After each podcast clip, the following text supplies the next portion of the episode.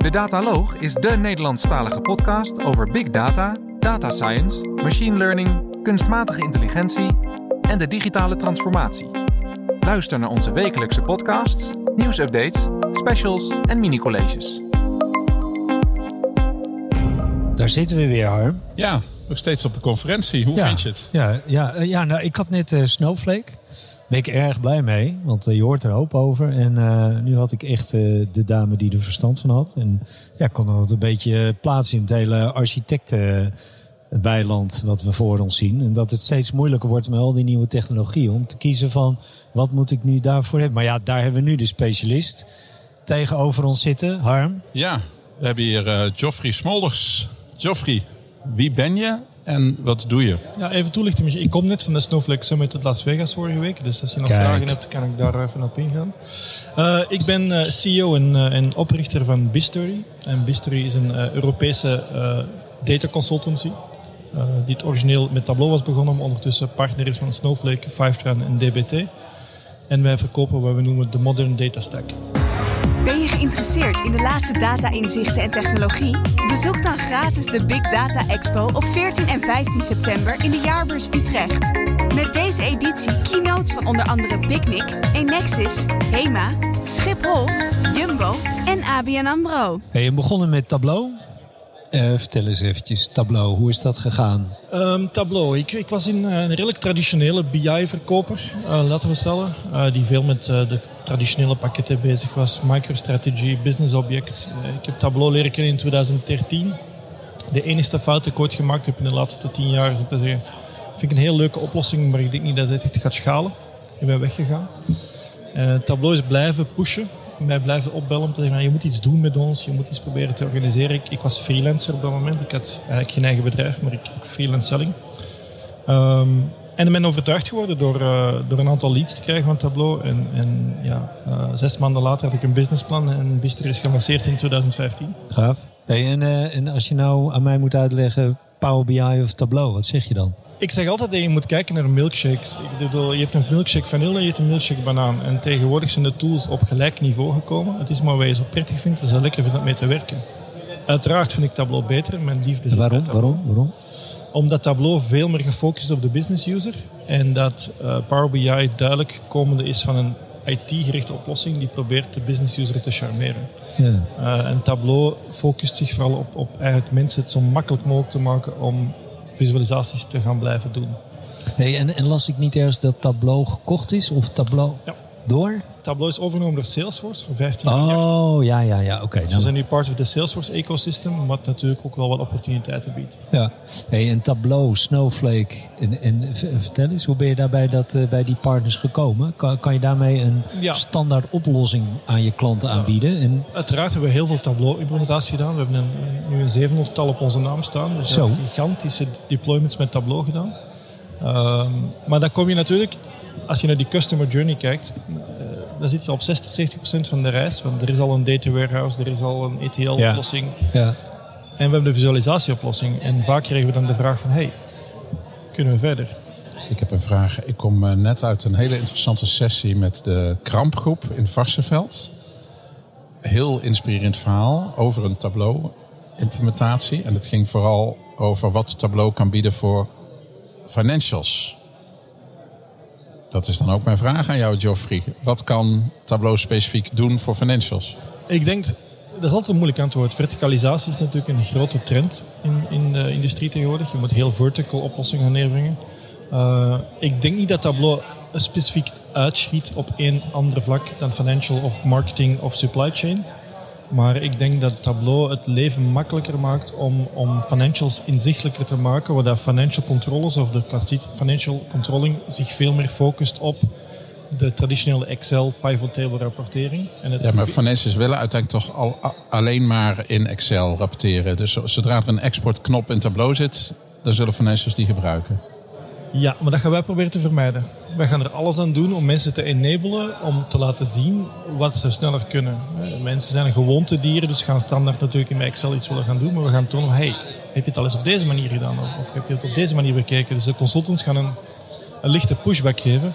Maar als jij een Excel-export wilt, dan krijg je die uiteindelijk. En hoe begeleiden jullie klanten daarbij? Wij proberen eigenlijk zo snel mogelijk op enablement te gaan. We gaan checken wat de data literacy van mensen is. We gaan op enablement en training gaan. Zo snel mogelijk mensen aan, dicht bij de tool te brengen, te laten gebruiken. Uh, en dan vervolgens doen wij heel vaak wat we noemen doctor sessions. Tableau doctors met een soort van creditsysteem.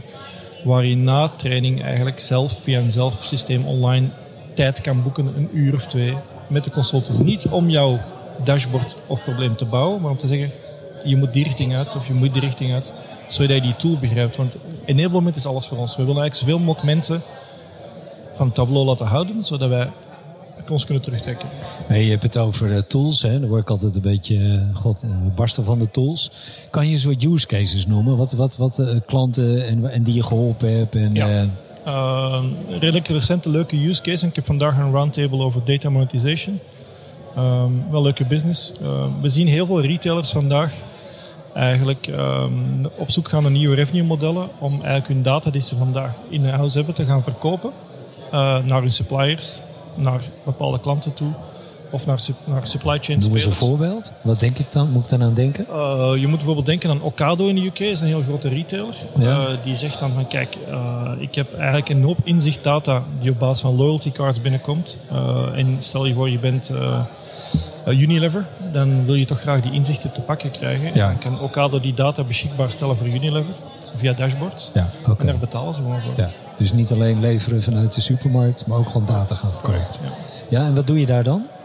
Dus wij gaan in principe gaan analyseren van oké, okay, welke data zijn er beschikbaar, wat kunnen we anonimiseren en hoe kunnen we die beschikbaar stellen extern. Dat is de techniek van Dus dan gebruik je Snowflake? Ja. Snowflake en Tableau in ieder geval. Ja, maar daarnaast moeten we natuurlijk gewoon kijken, wat is de user experience? Hoe gaat de klant dat interpreteren? Hoe gaat de klant moeten kijken? Hoe gaan ze inloggen?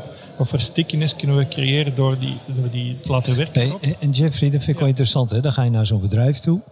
Uh, dan, uh, dan wie is dan degene die die creativiteit meebrengt? En, en die dus verstand heeft van, van, van de techniek en de nerdy part. Maar die je dan ook nog met een, met een stropdas tegen de C-suite uh, kan praten die dan geen tijd voor je heeft. Dus je moet het ook nog heel snel vertellen. Wie is dat? Ben jij dat?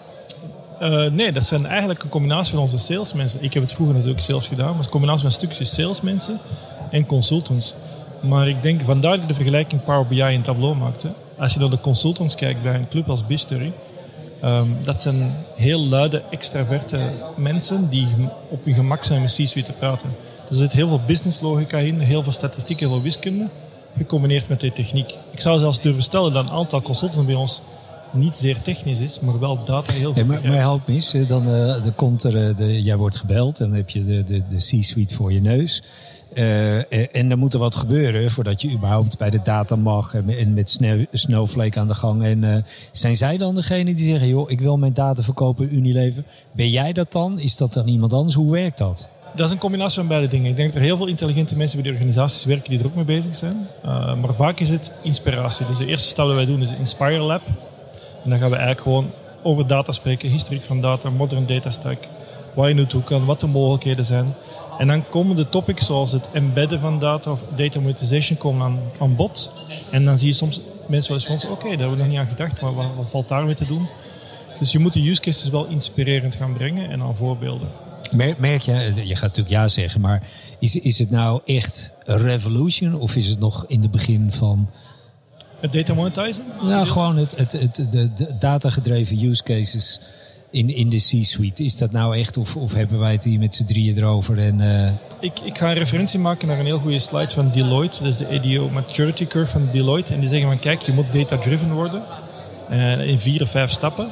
Ik denk dat 1% van de organisaties wereldwijd echt data-driven is. Toch wel. Uh, en dat wij alleen maar kunnen proberen constant te sturen en te helpen je zo dicht mogelijk bij die 1% te brengen. Hmm. Merk jij dat ook, Harm? Uh, nou, data-driven is een, uh, een modewoord. Hè. Dat doet het goed in de boardrooms. Jij zit in de mode. Uh, maar niemand weet precies wat het betekent. En nou, ik dat, denk dat een bedrijf als BizStory daarbij helpt. Dat is leuk dat je het zegt. Hè? Dat je zegt, de, de, Deloitte die zegt, je moet data-driven worden. Ben, ben, je het daarmee eens? Of denk je van... De, ja, ik ben het er wel mee eens. We moeten maar waarom? Omdat we eigenlijk een shift zien in, in traditionelere bedrijven. Laten we zeggen, het is een bedrijf die iets ouder is. En de mensen die vandaag afstuderen die hebben met tools zoals Tableau, Power BI gewerkt of andere tools. Die komen in organisatie en die gaan vragen waar is mijn data en wat kan ik ermee doen. En als jij als organisatie daar niet op kan antwoorden, dan gaan die mensen weg. Ja, ja daar ben ik het helemaal eens. Ik heb dat ook uh, meegemaakt bij een bedrijf waar ik gewerkt heb. Ik heb nog een andere vraag voor jou, uh, Geoffrey. Het is eigenlijk een dilemma. Uh, Self-service BI, vloek of zegen? Beiden. Kan je dat uitleggen, self-service BI? Wat dat is? Ook dacht dat jij dat wel wist, uh, Lex. Self-service maar dat zijn luisteraars. Oké, okay, voor de luisteraars, self-service BI is eigenlijk, zoals je wel verwacht, de mogelijkheid voor uh, gebruikers uh, om niet alleen bestaande rapporten te draaien, maar zelf BI-dashboards te bouwen op basis van een zeg maar, voorgedefinieerd dataplatform. Maar is dat, nou ga ik terug, toch echt terug naar Geoffrey, is dat een vloek of een zegen? Het is beide. Uh, het is natuurlijk 100% de DNA wat Tableau probeert te verkopen en Power BI probeert te zijn. Um, ik, ik, als we dan een ander buzzword mogen gebruiken, ik geloof meer in data democracy met self-service, maar binnen, binnen bepaalde guardrails of sturing dat je doet. Je gaat eigenlijk wel proberen mensen met gecontroleerde datasets aan de slag te laten werken. Want als je echt self-service doet en je zegt je mag alles erin gooien en Excel erin gooien, dan wordt het wilde westen en dan krijg je, krijg je gewoon hetzelfde probleem als met Excel. Ja, en dan is dat hele idee van fact-based decision making is natuurlijk uh, ver te zoeken. Hey, kun je nog iets meer vertellen over het bedrijf uh, wat je hebt opgericht en waar je leiding aan geeft? Hoe groot is het? In welke ja. landen werken jullie, et cetera? Ja, we zijn op een spannend uh, kantelpunt. We zijn nu met 98 mensen, dus de, de 100 zijn er bijna. we zijn eigenlijk gestart in België, heel snel naar Nederland getrokken en naar Duitsland uh, en UK drie jaar geleden opgestart. Uh, en heel flink aan het groeien in die, in die, in die vier regio's. Uh, ik denk dat België, UK wel veruit de grootste zijn en Nederland volgt heel dichtbij. en wat we zien is heel leuk. Nu dat we Europeeser zijn, zie je eigenlijk organisaties die in meerdere landen bediend worden dan ons, die, die ons nog kijken, hey, dat is wel makkelijk, want jullie zijn in meerdere landen aanwezig. Dus dat is wel heel fijn. En wij investeren zeer sterk, heel actief in uh, ontwikkelen van talent binnen de organisatie. Dus de mensen hebben een maximum billable ratio van 75%. En de rest moet allemaal in ontwikkeling en talent. Heb je ook data scientists in, die, in dienst? Dat is een area dat we op aan het groeien zijn. Ik geloof heel sterk in de focus. En onze focus is analytics, data warehousing en ETL. Um, en data science is iets waar we waarschijnlijk een pad gaan bewandelen, maar uh, focus is alles. Nee, maar je, bent, je levert de services. Hè? Ga je ook beginnen met solutions? Ja en nee. We hebben een concept dat heet Mystery Works. Um, ik, ik, geloof niet meer dat er een one-size solution fits all is. Een, een kant-en-klaar financial dashboard of een kant-en-klaar uh, supply chain dashboard geloof ik niet. Dus we gaan veel meer mikken op micro-solutions en daarmee spreek ik over bepaalde connectoren of bepaalde pakketten die de grote software suppliers niet ondersteunen of bepaalde uh, flows die managed services gaan runnen. Als je een kleine organisatie bent van 100 tot 2000 mensen, dan wil je IT outsourcen. En dan gaan wij al die platformen aan elkaar stitchen en, en gewoon in managed model driven gaan. Hey, en heb je nog een mooi voorbeeld van een case die je hebt gedaan die echt aansprekend is? Wat heb je daar gedaan? Welke technologie heb je gebruikt? Uh... Ik denk een van de leukste use cases nog steeds vandaag is uh, een organisatie die heet Tivian. Um, die zal niet zo bekend zijn. Maar eigenlijk draaien zij gigantische service bij grote partijen. Zoals een Deutsche Bank of een BNP of een Ahold gaan zij een survey organiseren. Um, en dan moeten we, moeten we eigenlijk heel veel data gaan verzamelen op heel korte termijn. En op heel korte termijn ook beschikbaar stellen, zodat elke werknemer kan analyseren wat de gemoedstoestand binnen het bedrijf is. Um, maar ook gewoon extern kan geraadpleegd worden door andere klanten tegen betaling. Dus een monetization model.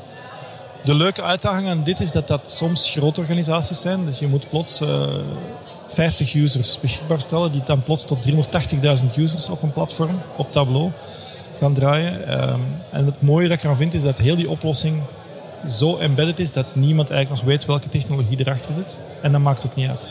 En wat heb je daar gebruikt aan technologie? Uh, we hebben Tableau gebruikt in combinatie met Alteryx. Uh, en dan een stukje eigenlijk uh, nog andere database technologieën. En als we de komende jaren kijken van je bedrijf, ga je nog uitbreiden met technologiepartners of tools of waar zie je het gebeuren? Ja, wij zien een zeer sterke uitbreiding in het Salesforce-ecosysteem, uiteraard. We zijn nu een Salesforce-organisatie, uh, dus we gaan daar wel flink in investeren om misschien nog een aantal Salesforce-eikpunten bij te nemen die interessant zijn. En voornamelijk uh, uh, regionaal groeien. dus ik zoek naar een 300-tal medewerkers te gaan de komende drie jaar. Harm, ja. niks voor jou.